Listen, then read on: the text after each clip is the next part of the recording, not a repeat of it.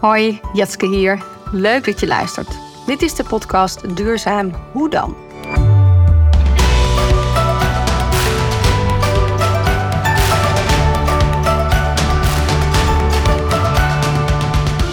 In deze podcastreeks leer je van experts hoe je succesvol duurzaam innoveert en transitie organiseert. Zodat het sneller, beter, maar vooral ook leuker wordt. De opgave is namelijk groot, maar de wilskracht nog groter. Hoe zorg je voor het ecosysteem om je heen en voor jezelf in relatie met de ander? Want zie het voor je, je bent niet de druppel op gloeiende plaat. We zijn namelijk samen een regenbui. En die verbeeldingskracht is belangrijk. Zo zag ik een aantal jaren terug een film over ons energieverbruik in huis. Je zag een gezin in Nederland wakker worden en het licht aandoen. Vervolgens een shot van een sporter die in de kelder aan het roeiapparaat zit om het benodigde vermogen op te wekken. Vervolgens wordt het koffiemachine aangezet en zo hup, moesten er met spoed drie roeiers bij. Tijdens het douchen zie je letterlijk de uitputting van de hele rij roeiers en hoe lang ze het moeten volhouden. Het geeft inzicht in het verbruik van de woning en wat er voor nodig is in een gemiddeld huishouden om die van energie te voorzien. Maar ook wat we kunnen doen om de roeiers als energieslaven meer te ontzien. Dit filmpje, De Energieslaven, heeft Andy van den Dobbelsteen gemaakt als intro voor de online cursussen voor de energie-neutraal ontwerpen van de TU Delft. Ik kende zijn werk dus eerder dan Andy zelf. Een waardevolle reminder, ook voor jou. Blijf creëren en die verbeeldingskracht inzetten om zo een ripple-effect te verzorgen. Inmiddels zitten we in dezelfde appgroepjes en ben ik zeer vereerd dat hij met mij in deze podcast in gesprek wilde gaan over zijn drijfveren en zijn lessen.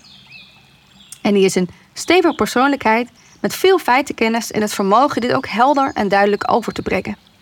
Een hele fijne partner richting klimaatneutraal Nederland.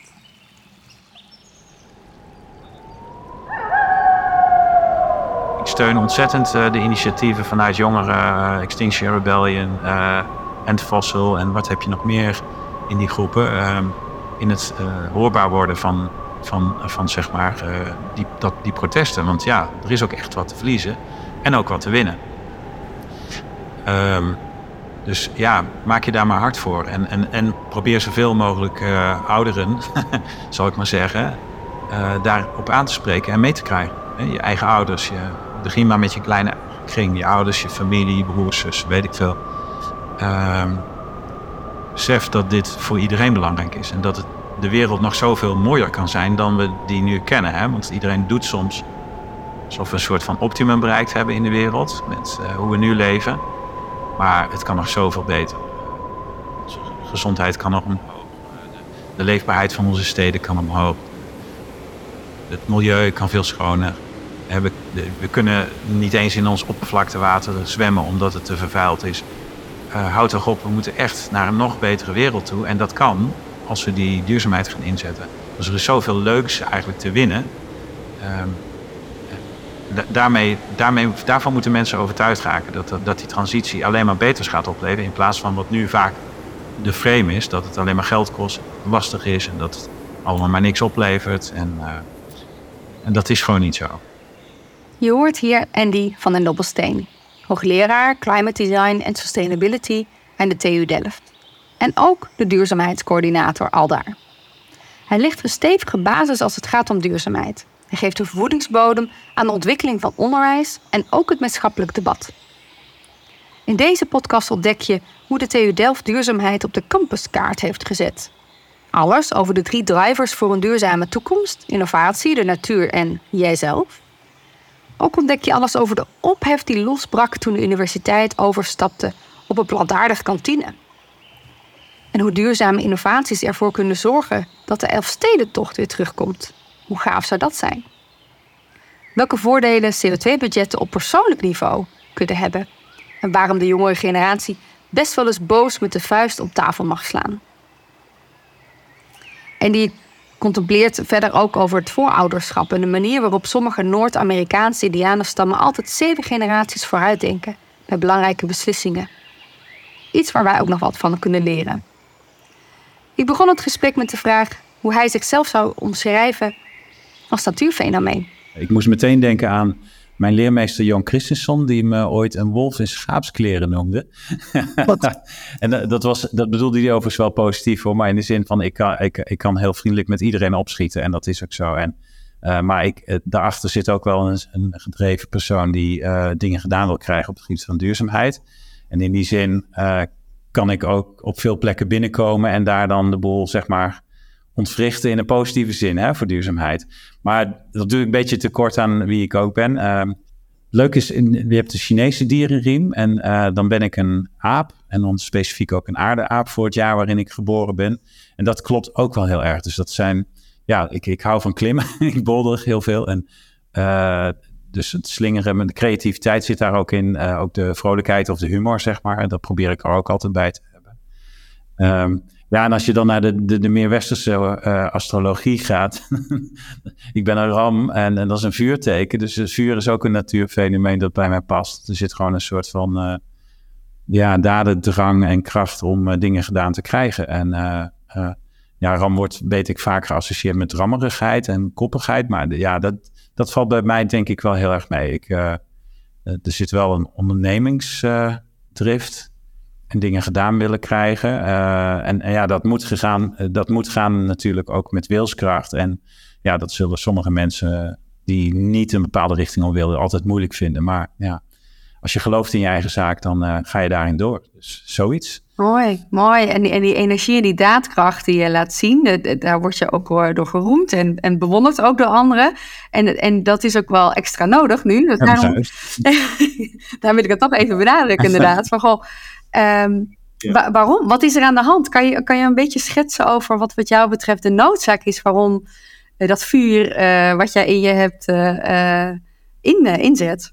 Nou ja, ik, ik, denk, ja, het is leuk om in een week van de verkiezingen natuurlijk dat te kunnen zeggen. Maar ik denk dat we een beetje onze connectie met de natuur kwijt zijn geraakt in de afgelopen eeuwen. En, en dat dat zich nu gaat vertalen in de, in de grenzen waar we tegenaan lopen. Het is natuurlijk met de Club van Rome in de jaren 70 al aangestipt van jongens, we gaan tegen grenzen aanlopen. Vanwege die exponentiële groei van de wereldbevolking, maar de nog hardere groei van onze welvaart. En, en uh, met name de, de, ja, de, de milieuonvriendelijkheid van hoe die welvaart geregeld wordt. Um, en dat zien we nu terug in, in een aantal dingen. Hè. Dus klimaatverandering die echt uh, uit de klauwen lijkt te lopen nu. Het lijkt alsof we al een kantelpunt voorbij zijn gegaan dit jaar. Um, hetzelfde geldt voor de grondstoffenvoorraad. Hetzelfde geldt voor de biodiversiteit die achteruit holt. Uh, dus wij, wij zijn echt ons eigen voortbestaan aan het bedreigen op dit moment. En dat is natuurlijk al decennia lang voorspeld dat dat een keer zou gaan komen.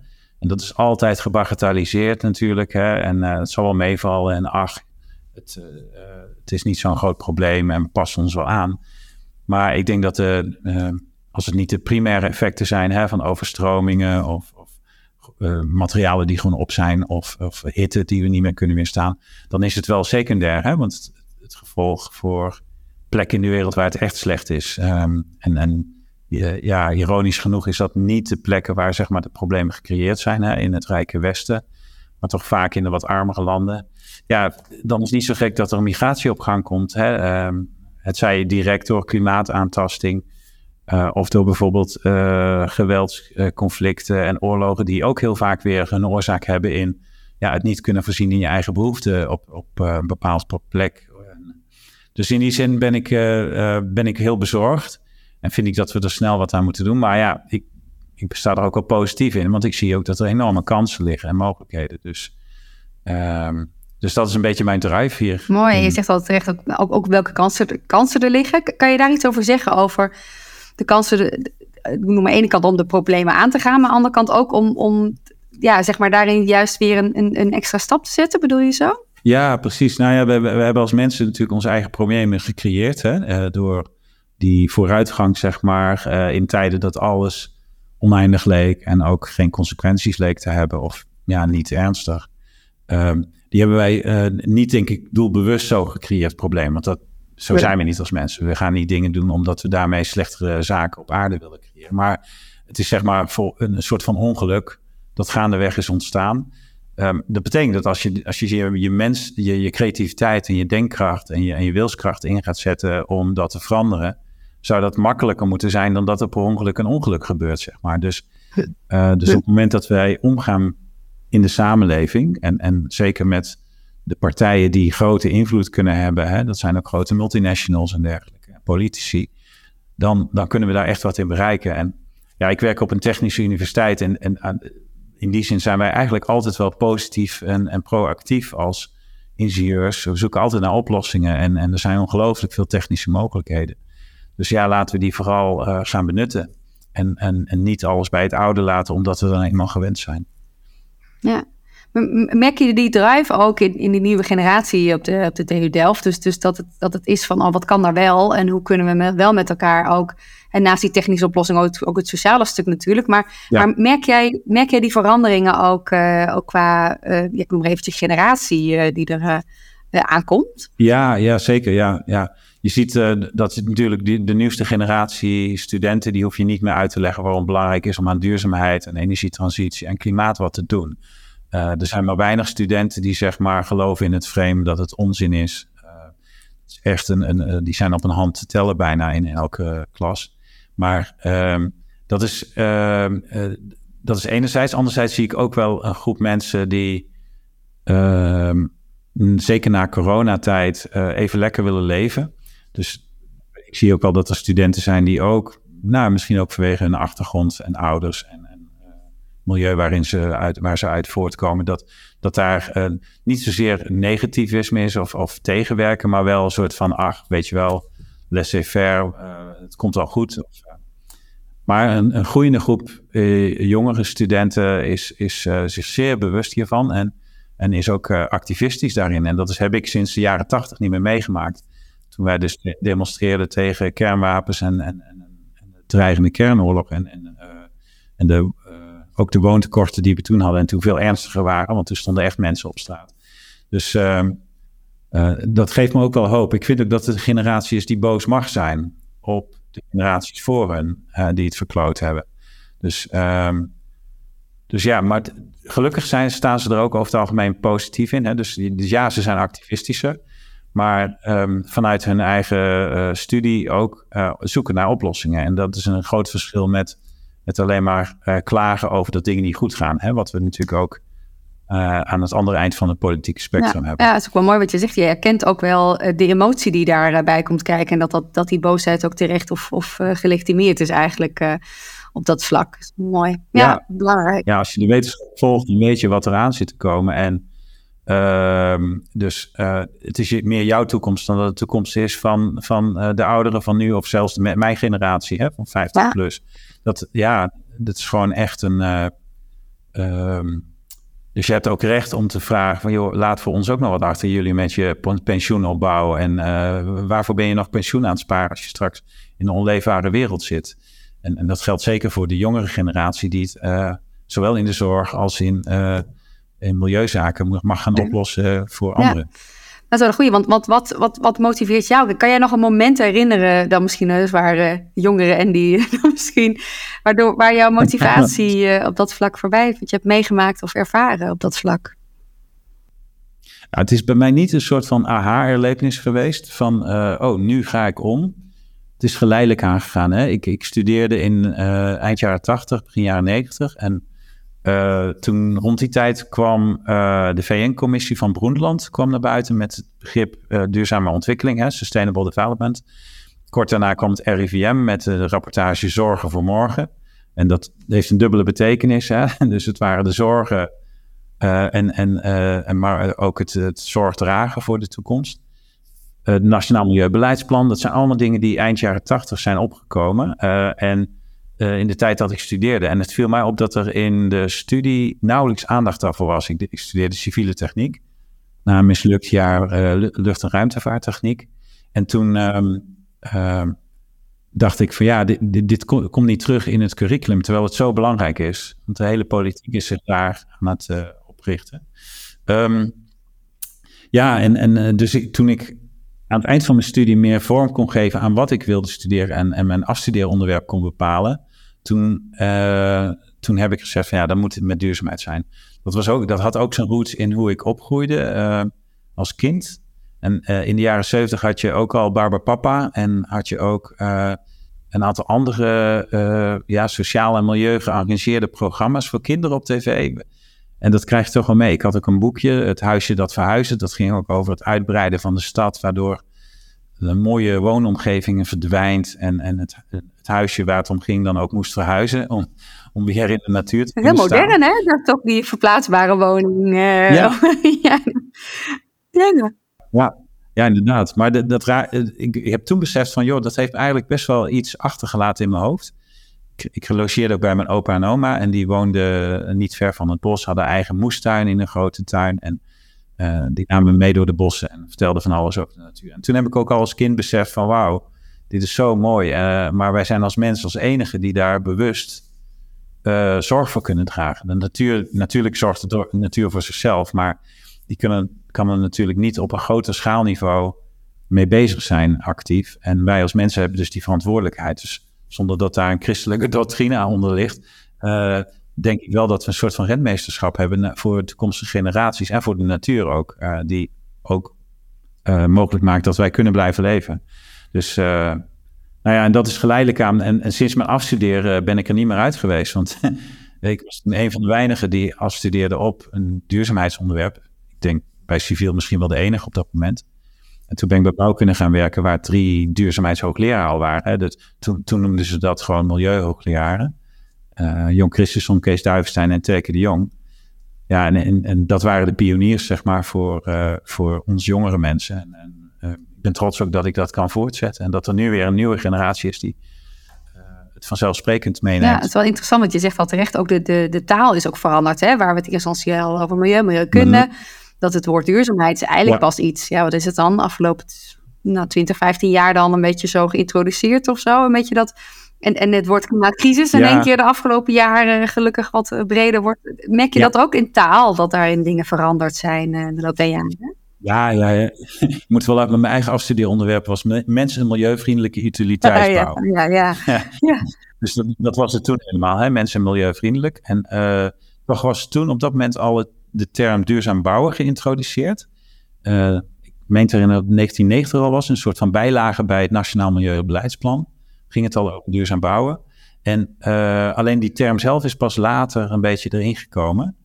Um, en je ziet met name de laatste twintig jaar dat het vooral over duurzaamheid gaat ineens.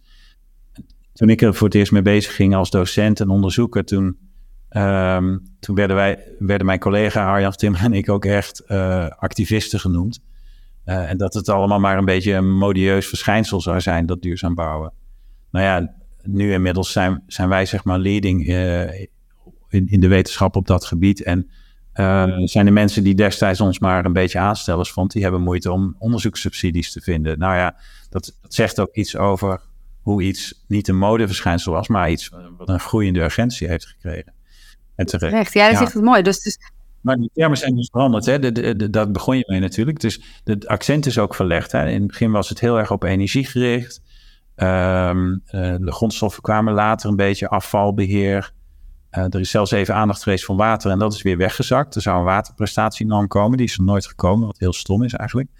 Um, met, met McDonough en Brownguard, met die documentaire bij de VPRO in 2006 kwam in één keer uh, Cradle to Cradle en circulariteit is toen opgekomen als begrip. Ja, ja. Um, hun boek was al van 2002, maar dat was nooit opgepikt totdat die documentaire was. En in datzelfde jaar kreeg je dus Al Gore met, met zijn klimaatverhaal. Ja. Toen zijn er wel ook mensen geschud.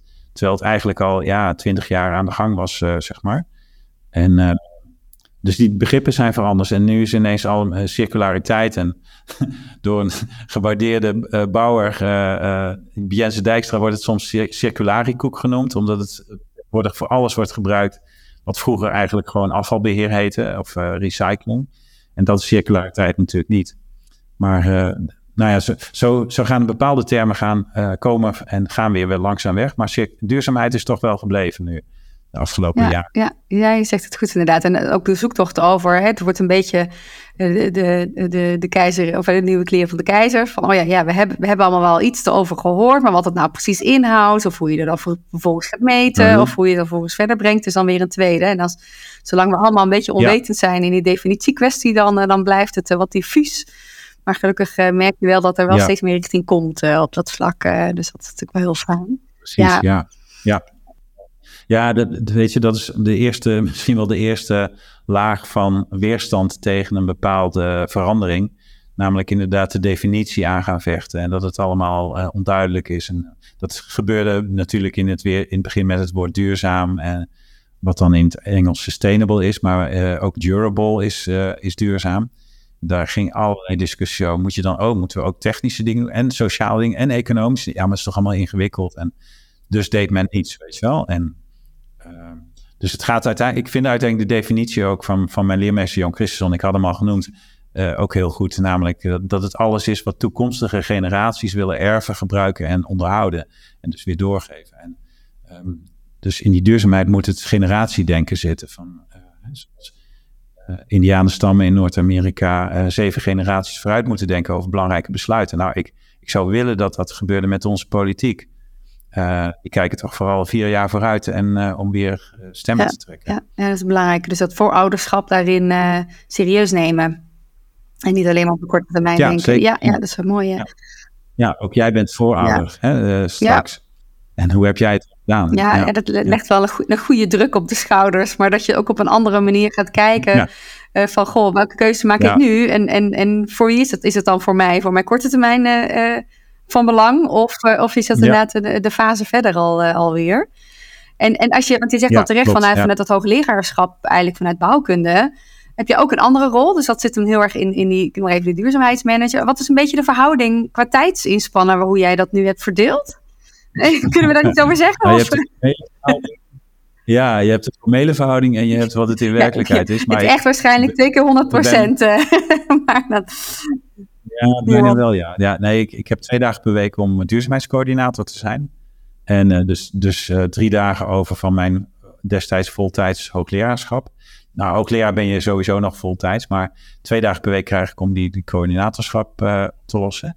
En, um, maar in werkelijkheid kost het veel meer tijd en is het ook veel leuker. want hier kan ik verschil mee, maken. Natuurlijk ook in het onderwijzen van studenten, dat blijf ik ook doen. En begeleiden daarvan. Maar ehm, ja, ik vind ook dat je, nou ik zeg het, uh, practice what you teach and preach. Dus wat ik ook studenten leer, zouden wij op de campus veel meer moeten laten zien nog. Daar zijn we niet hard mee bezig om dat mogelijk te maken. Ja, dat zijn, ja. zijn mooie resultaten uh, als je het hebt over een plantaardige kantine, over het reisbeleid, onder andere. Wat zijn elementen waar jullie, waar je, nee, eigenlijk misschien even daarmee beginnen, waar, waar je nu, waar je mee bent begonnen eigenlijk in de, in de, vanuit jouw rol in de, als duurzaamheidscoördinator. Ja. Wat, wat waren de eerste topics ben je meteen vol voor de, voor de moeilijkste ja. gegaan? Of, uh, of, of hoe, hoe juist even makkelijk erin? Nou, nee, nee. Ik ben meteen met alles begonnen. Uh, dus, dus, toen ik benoemd werd, 1 januari 2021, was natuurlijk nog coronatijd, um, heb ik als eerste gedacht van, ik doe dit alleen als ik alles mag aanpakken. En dus niet alleen de gebouwen en het energie, maar scope 1 en 2 bij wijze van spreken. Maar ook scope 3, het reizen, de voedsel, de inkoop, de afvalbeheer, uh, et cetera. Alles wat, je, wat indirect ook je eigen uitstoot is op de locatie. Um, en ik heb dus de thema's benoemd op dat moment en gezegd van nou, daar moet ik eigenlijk teams op hebben. En ik deed dat samen met mijn rechterhand derde, derde van Gamer. Die, die, uh, dat was ook een eis van mij uh, van ja, ik krijg maar twee dagen. Daar kan ik natuurlijk nooit die hele TU van, van uh, 35.000 mensen mee omkrijgen. Dus ik heb iemand nodig die er fulltime ook mee bezig kan. En dat heeft, was zij. En samen hebben we zeg maar allemaal themateams opgezet. Uh, op een twaalftal thema's zo uit mijn hoofd. Uh, van onderwijs, onderzoek, uh, mobiliteit, energiegebruik of energiesysteem, renovatie en bouw. Nou ja, voedsel, alles. En, en daar heb ik mensen voor gevraagd die in academische zin zeg maar deskundig waren op dat vlak. Hè. Dus mensen die met voedsel bezig waren, of met gebouwen of met energie. Um, naast uh, ondersteuners, dus mensen van de ondersteunende diensten, die gaan over facility management en, en uh, vastgoed en HR. Um, naast ook nog studenten, want wij hadden al, er was al een, een Green TU, studenten die zich bezighielden met duurzaamheid. en die hadden ook al een paar green teams bij de faculteiten. En die zijn er ook actief mee gaan doen in die verschillende teams. En zo zijn we eigenlijk begonnen met eerst op een rijtje te zetten van wat willen, waar staan we nu? En, en we hadden al een CO2-meting gedaan. Uh, was dat niet alles, maar CO2 was wel handig. Uh, En op basis daarvan zijn we gaan bedenken, oké, wat kunnen we op al die aspecten, al die, die thema's gaan aanpakken? En destijds hadden we inzicht in, in die CO2-uitstoot en daardoor wisten we van, er zijn drie grote factoren nu op de TU. Dat is energiegebruik, en met name het gasgebruik. Het is mobiliteit en het is voedsel. Ehm, een jaar later kwamen we erachter dat inkoop, waar we toen eindelijk inzicht in kregen, dat inkoop uh, alles overstijgend was. Dus inkoop was net zo groot als die drie plus inderdaad afval en water en dat soort dingen.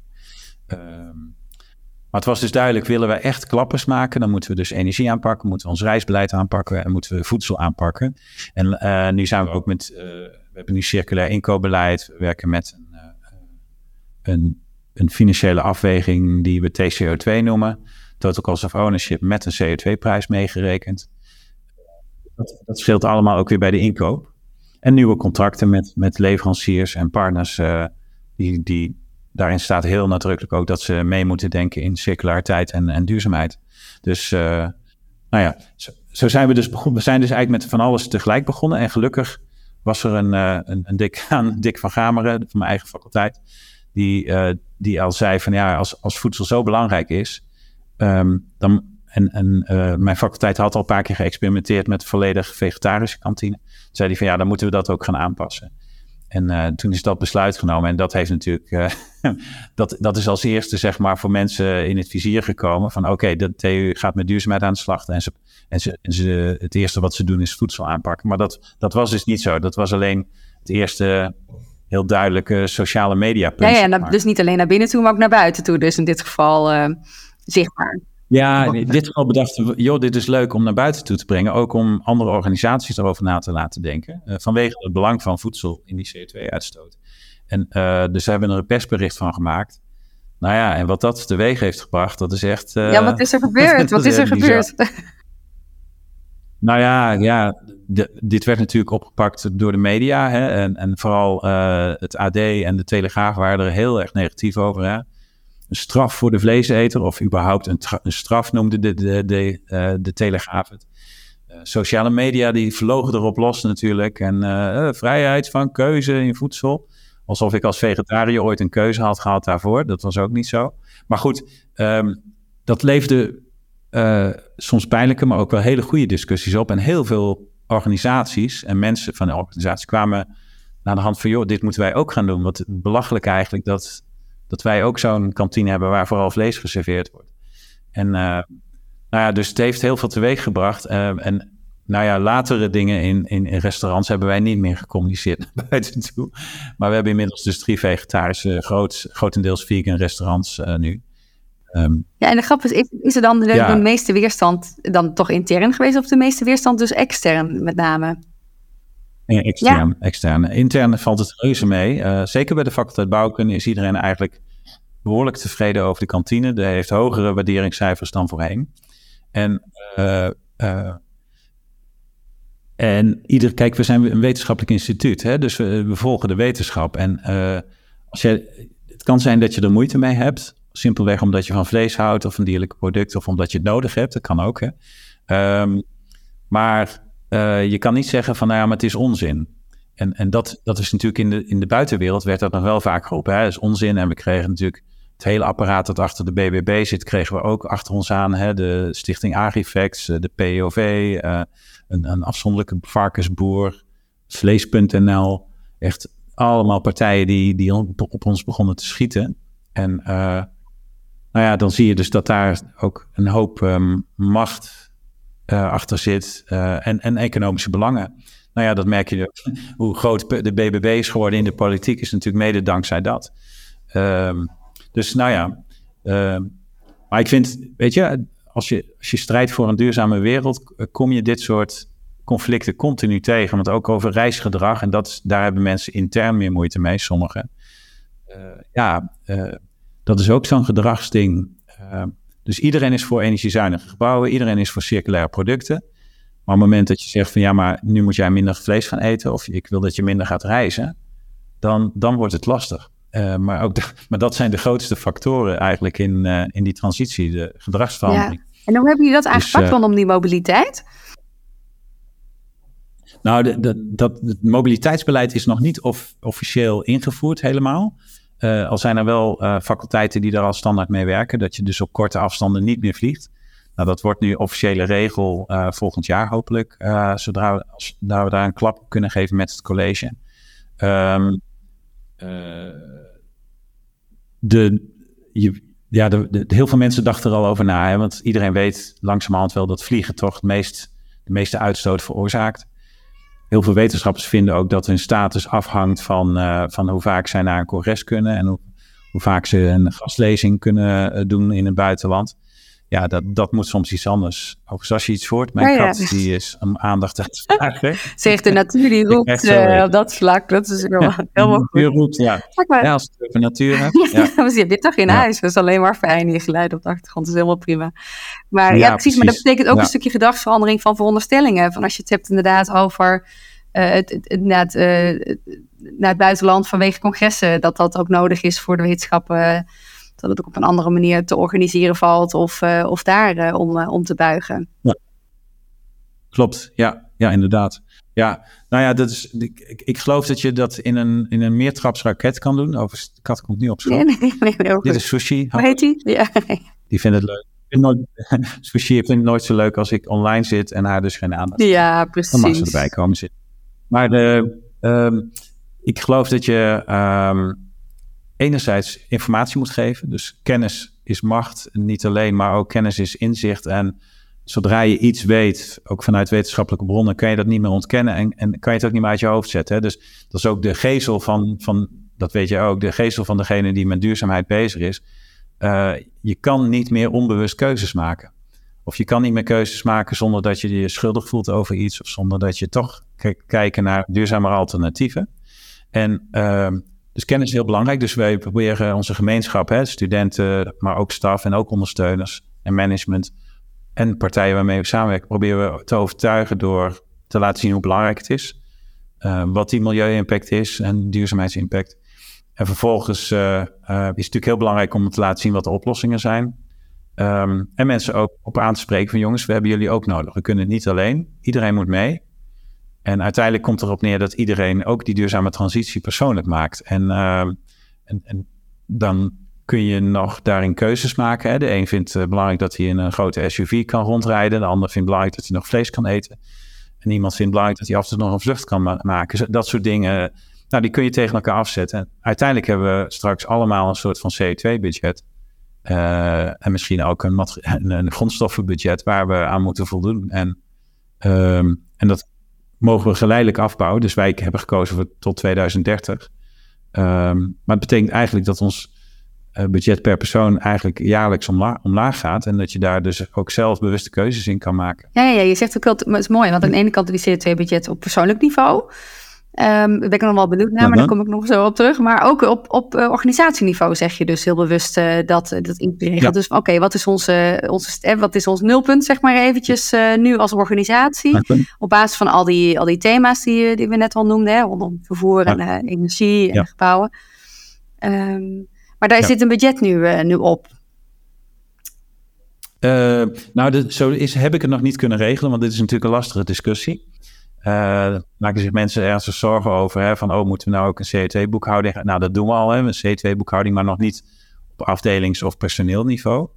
Um, maar in feite komt het er wel op neer, want wij hebben als TU Delft, even grofweg, uh, ruim 100.000 uh, ton CO2 dat we nu uitstoten per jaar.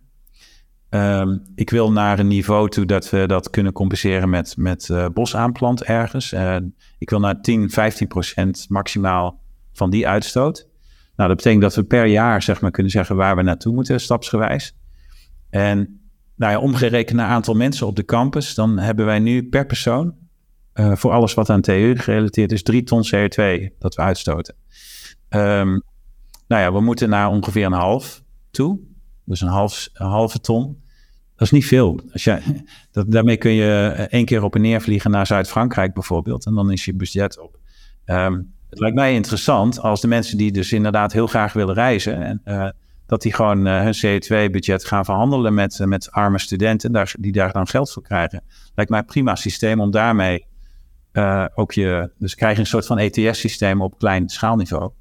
Ehm, maar dat werkt wel en dan, dan verdeel je het ook eerlijk. En, en mensen die het niet willen gebruiken, kunnen het verkopen. Mooi, mooi. Want ik wilde je eigenlijk vragen, wat, wat zou dan, wat zou in de toekomst nog, zeg maar, jouw dromen zijn als je het hebt over uh, aan, hoe zeg je dat, maatregelen uh, binnen de TU Delft. maar is, dit is daar één van, als ik dat zo al een beetje hoor, of deze methodiek in ieder geval. Ja, ik, ik denk dat het, ja, het lijkt me heel interessant om dat uit te werken als systeem. Ik weet niet of ik het gedaan krijg, hè, want uh, we zijn een grote organisatie met veel structuren die vastliggen. Maar maar goed, dat TCO2-systeem en het, het, circulair inkopen, dat is nu ook uh, langzaam gemeengoed geworden. Dus um, ik denk dat dit een beetje de weg is waar we naartoe moeten. En waar we ook als land zo over na moeten denken. Uh, we hebben een CO2-uitstoot in Nederland. Willen we. Kijk, iedereen is heel goed in het roepen van ambities. Hè? 55%, 60%, 65% in 2030. Um, maar er zijn maar weinig partijen of mensen, of politici of uh, ambtenaren die inzicht hebben hoe je daar dan gaat komen. En ik denk dat uh, het langzaam afbouwen met, met gerichte maatregelen, effectieve maatregelen, is denk ik toch het beste. Ja, dat, en dat, in dit geval, eh, ik wil het zeggen bijna in het klein, maar dat is niet waar, want het heeft helpt helemaal niet in het klein. Maar, uh, maar dat je dat in eerste instantie een soort van gecontroleerde omgeving, laat ik het dan zo zeggen, uh, daarin de koploper kan zijn. Ja. dat is wel natuurlijk een heel mooi streven dan in dit geval. En net zoals jullie daarin ja. volop liepen over de, de plantaardige kantine, of in ieder geval um, en merk je dat je daar Ja, nou, we zijn denk ik niet de enige die dat doen hoor. Maar uh, ja, het is wel zo dat ik vind dat wij als universiteit, hè, waar je veel kennis uh, aanwezig hebt, veel creatieve kracht, veel uh, positief denkvermogen hè, van, die, van die ingenieurs in SP, ehm, dat we de, het goede voorbeeld moeten laten zien. kijk, enerzijds, het grootste core business van ons is natuurlijk onderwijs en onderzoek. Ehm, en, en uh, je zou kunnen zeggen, als wij die ingenieurs goed opgeleid de wereld insturen, kan dat de grootste impact hebben wereldwijd op, uh, op duurzaamheidsgebied. Um, maar ja, zolang je het zelf niet eens laat zien in je eigen organisatie, vind ik dat je niet geloofwaardig bent. Dus vandaar dat ik vind dat wij het voorbeeld moeten tonen en dat, um, dat we ook moeten durven experimenteren. Want op een universiteitscampus kan dat. En kun je het bijsturen, kun je het uh, aanscherpen, verbeteren. Dat kan in een eenmaal gebouwde, uh, gebouwde omgevingssituatie kan dat niet. Uh, dus ik vind dat wij daar ook daar verantwoordelijkheid in moeten nemen om veel meer op locatie zelf te gaan experimenteren. Ja, ja, ja dat zeg je mooi. Dus daarin ook, de, omdat je juist ook een bepaalde positie hebt op dat vlak. Uh, en, en, ja. ja. en daarmee het indirecte effect ook creëert naar buiten toe. En als ik dan het slagje ook toch mag maken, ook naar, jou, naar jouw persoonlijke zelf terecht. Van nou ja, goed, hè, soms misschien ook maar een eigen CO2-budget. Is, er een, is er een keuze die je de laatste tijd hebt gemaakt, die, die, die toch evenzeer deed, maar die je toch uiteindelijk dacht van ja, nee, voor, het, voor, voor de lange termijn is dit toch, toch beter? dat is een gemene vraag, dit hoor. Uh, jazeker, ja, ja, ja. Um, nou ja, toen, toen ik zag hoeveel mijn vliegen voor de TU betekent in mijn uitstoot. Dat was eigenlijk uh, 80% van mijn uitstoot zat in de vliegreizen. Want ik ben verder. Ik, ik heb uh, een auto die ik nauwelijks gebruik. Ik reis met OV, ik reis met de fiets. Um, ik heb een super energiezuinig huis. Um, um, ik eet vegetarisch, veel plantaardig. dus daar zat mijn uitstoot niet in. Die zat hem vooral in die vliegreizen voor internationale congressen, voor inderdaad. Uitnodigen uh, voor Europese projecten waar je niet met de trein makkelijk kon komen. Dus ik heb in, in, in 2019 besloten uh, om in 2020 niet meer te gaan vliegen. En, en nou ja, toen kreeg je corona, toen gingen heel veel ja, mensen niet meer vliegen. Maar was, ik heb echt uh, bepaalde vluchten gecanceld uh, toen. En zei van ja, dit kan gewoon niet meer. En nou ja, ik heb vier jaar lang ook voor mijn werk niet meer gevlogen. Ik heb, nou, laatst in september ontkwam ik er niet aan. Maar doe, doe ik het ook alleen maar op het moment dat ik impact kan maken en mensen kan overtuigen. Ik lokaal, zeg maar, dingen veranderen kan. En ik compenseer mijn vluchten altijd dubbel. Zowel bij de maatschappij zelf, om, dat signaal af te geven, als nog daarnaast wat veel meer echte compensatie is.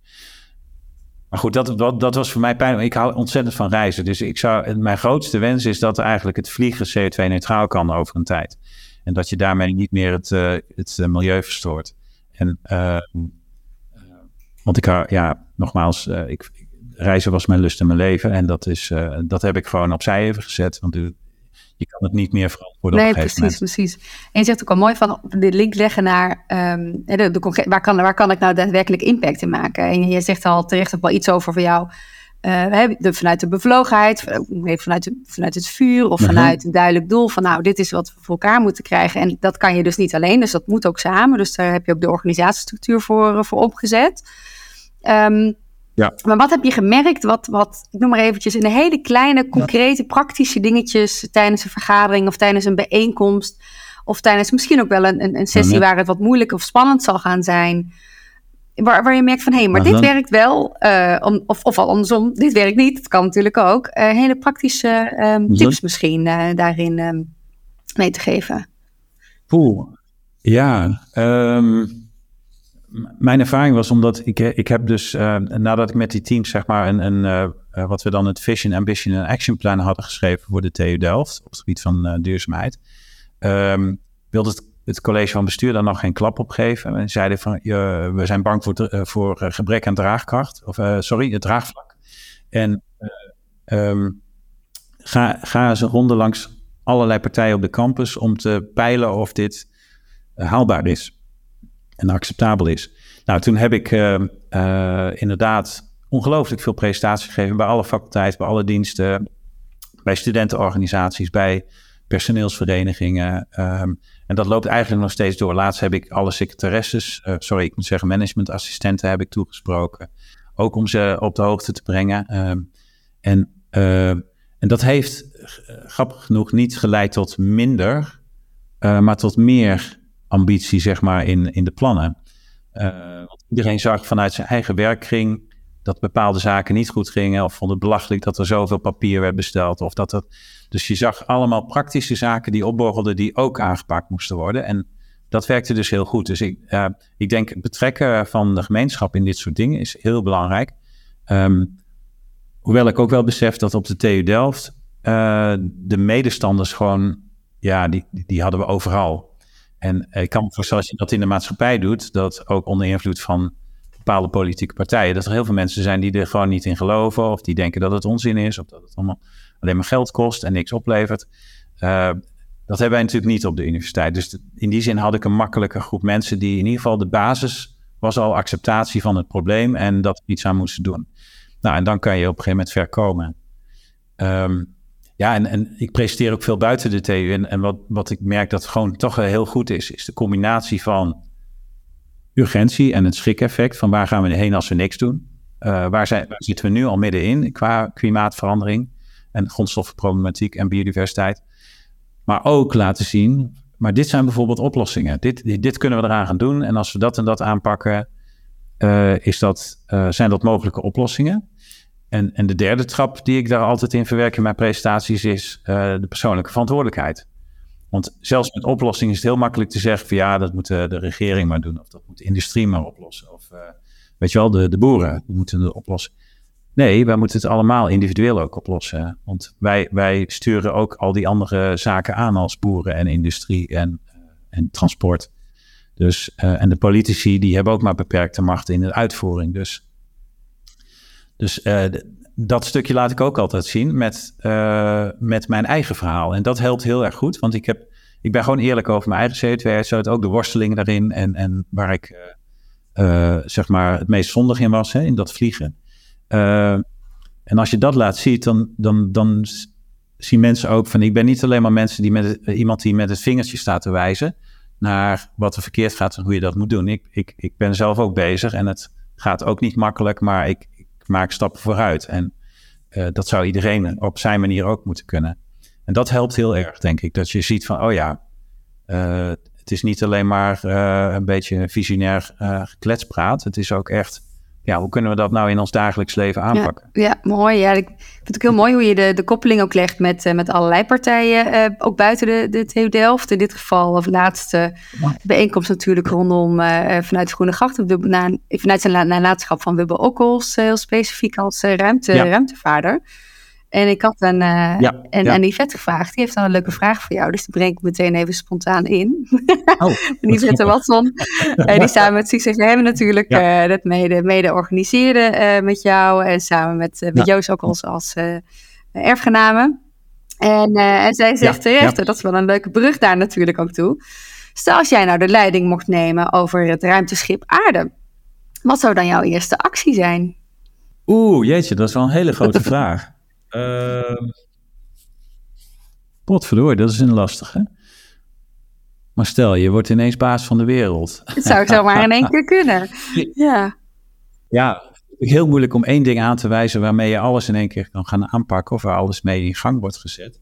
Uh, maar ik zou uh, misschien wel beginnen, uh, toch een beetje vanuit mijn geloof van meten is weten. Uh, op alle fronten cijfermatig laten zien waar iedereen mee bezig is en wat het voor effect heeft. op wetenschappelijke basis gestoeld natuurlijk. Um, maar, um, en ik vind dat wij dus op aardeschaal weer veel meer met de natuurkrachten moeten werken.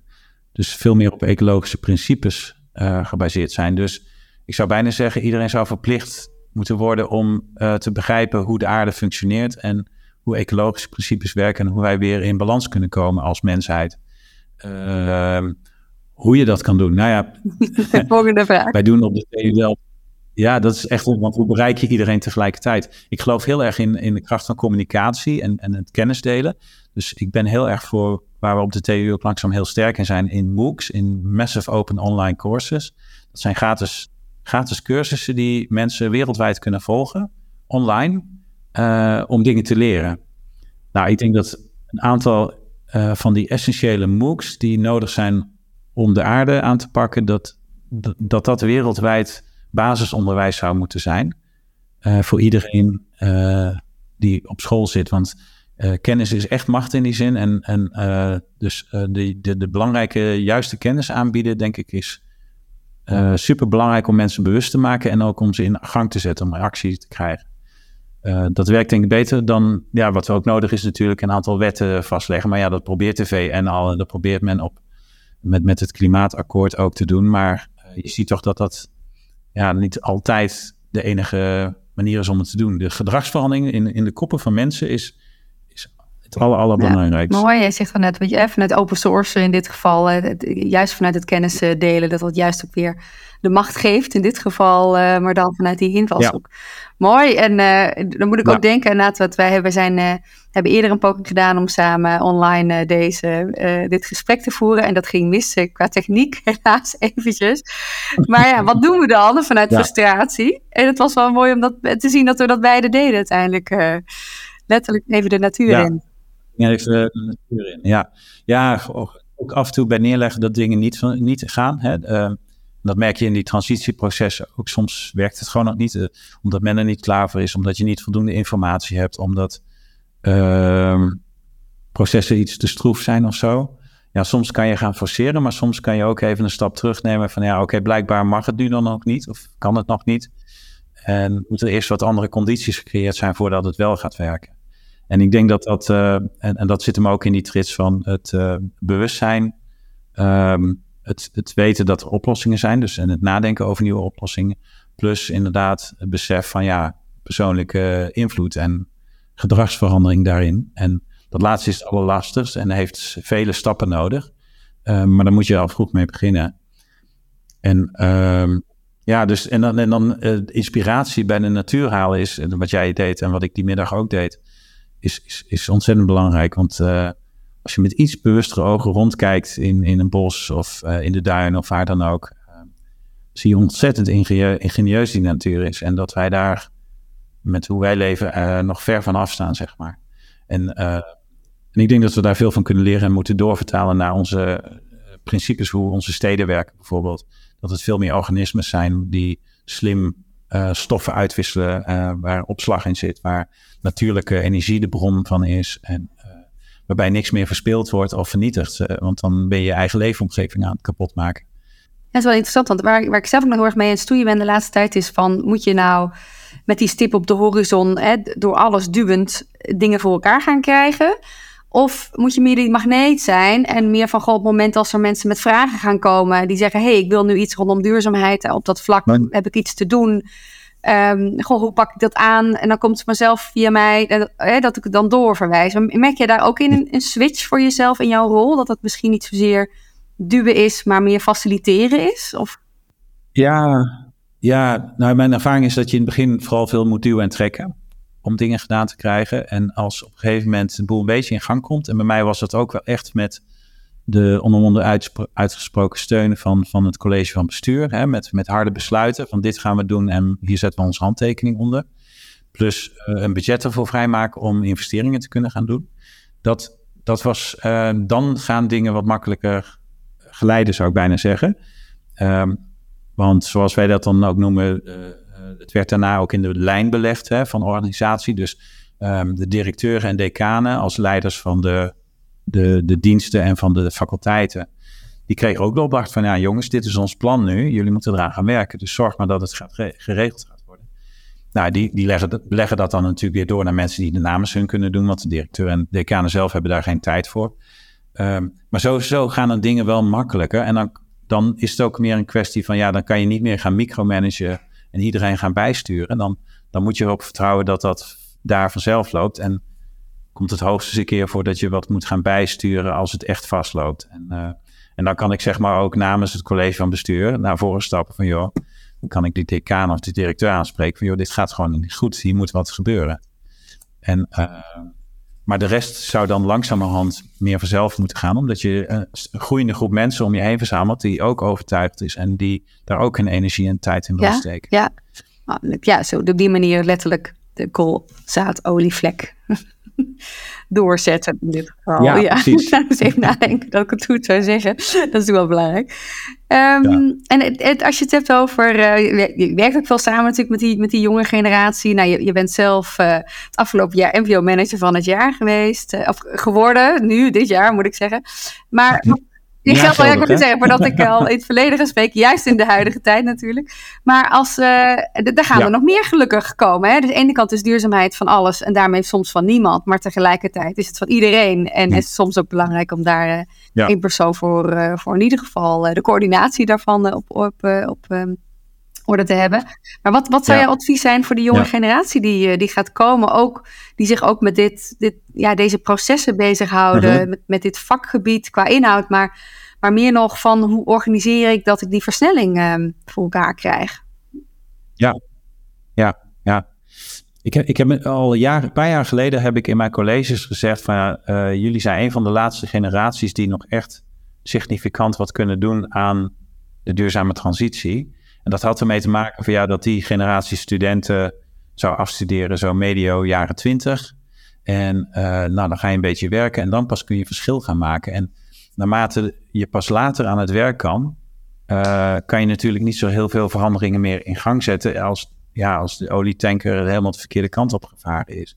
Um, dat was misschien wat pessimistisch, want uh, ook jongeren kunnen grote invloed uitoefenen um, in hun politieke keuzes, maar ook in um, in de acties die zij zelf elke dag kunnen doen. Hè? Uh, daarvoor hoef je niet eerst te studeren en dan pas aan gaan werken en dan dingen veranderen. Um, maar, um, dus die jonge generatie zou ik zeggen, probeer zo snel mogelijk mee te doen in, in deze voor de wereld ontzettend belangrijke transitie. Uh, al is het maar omdat het voor jezelf heel belangrijk is. Hè? Dus je zou het egocentrisch, antropocentrisch kunnen benaderen. Uh, het mooiste is natuurlijk ecocentrisch, hè, dat je bedenkt vanuit het hele ecosysteem aarde uh, naar een duurzame oplossing zoeken. Um, en, durf, en, en, ik vind dat deze jonge generatie, dat zeg ik ook vaak, die mag gewoon boos zijn. Die mag ook met vuist op tafel slaan. Potverdomme, jullie hebben het ook helemaal uh, de verkeerde kant op laten gaan. En nog steeds zijn er partijen die daar vanuit economisch gewin en vanuit het niet willen veranderen, want we doen het altijd zo uh, daarin doorgaan. En daardoor het probleem alleen maar verergeren uh, in de komende jaren.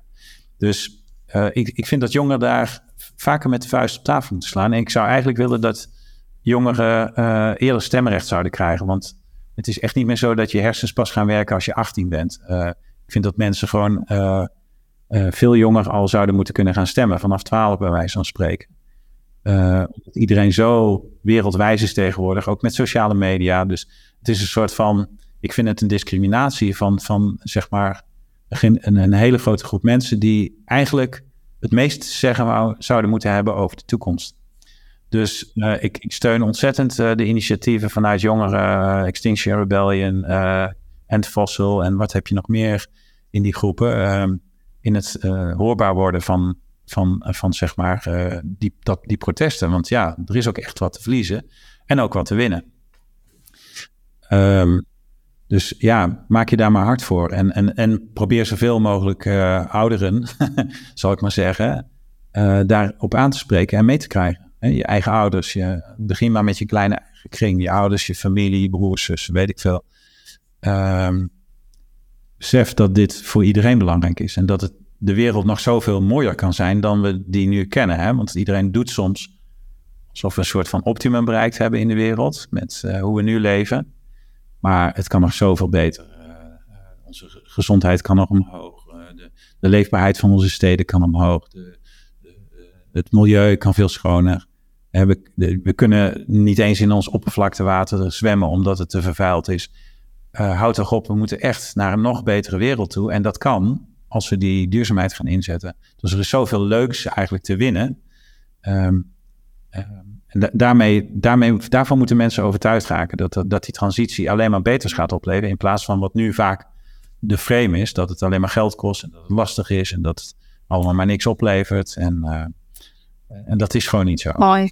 Dus er nog heel veel leuks te winnen, zeg je. Mooi inderdaad. Uh, dat, uh, dat is fijn. Die, die, ja, hou ik nou, zo vast. Ja. En als je dan denkt, ja, om toch ook de, brug te slaan naar, naar de cultuursector. en en we, we we kunnen praten over emoties, maar soms helpt, helpt de muziek daar ook bij.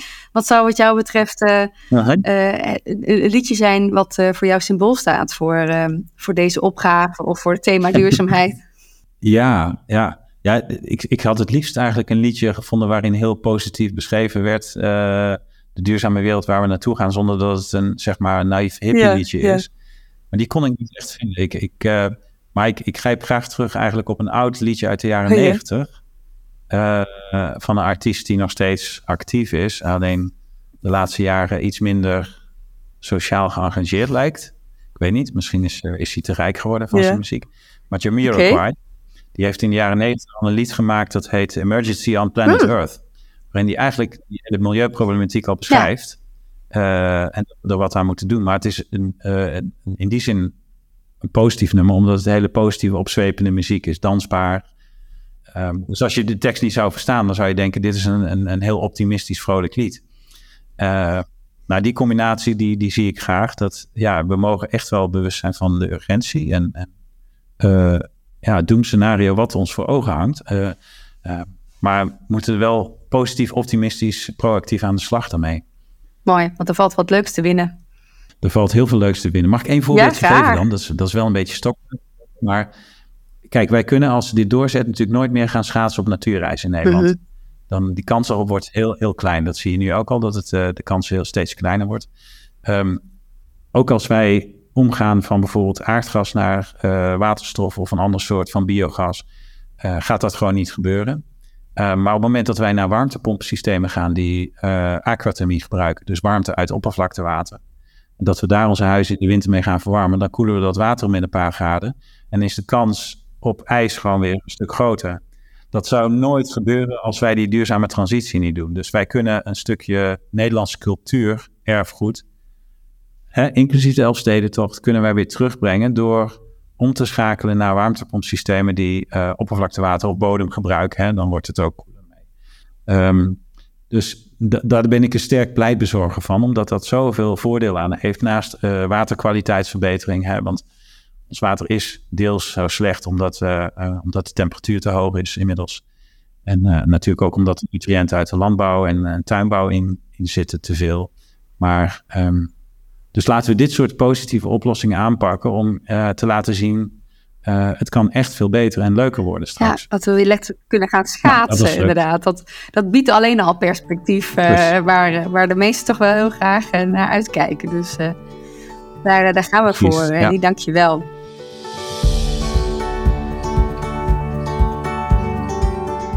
Super dat je weer luisterde naar de podcast Duurzaam Hoe dan? Je doet me echt een groot plezier door deze podcast te delen met jouw netwerk. Want de verhalen van Andy en de andere gasten mogen gedeeld worden. Sterker nog, dat verdienen ze. Je kan dat doen door de podcastlink te sturen naar mensen in jouw netwerk. De aflevering. En de podcast natuurlijk. Wat ook heel erg helpt is de podcast een 5-sterren review te geven. Of me een berichtje te sturen met jouw inzicht naar aanleiding van het gesprek. Heel erg leuk om terug te horen, ook voor de gasten. Ik breng de podcast uit op eigen kosten en de gasten maken hun tijd vrij om de lessen te delen met jou. Uiteraard met de liefde en de wil samen die regenbuig te zijn op die groeiende plaats. Ik hoop dat je je gesterkt voelt in jouw eigen missie en iets hebt gehad aan de inzichten en de lessen die we met je gedeeld hebben. Via mijn site kan je je aanmelden voor een kwartaal inspiratienieuwsbrief of het Inspiratie Magazine kan je daar downloaden. En als je mee wil zien van achter de schermen, volg me dan op Instagram. Duurzaamheid versnellen, dat doe jij ook. En hoe dan? Tot de volgende.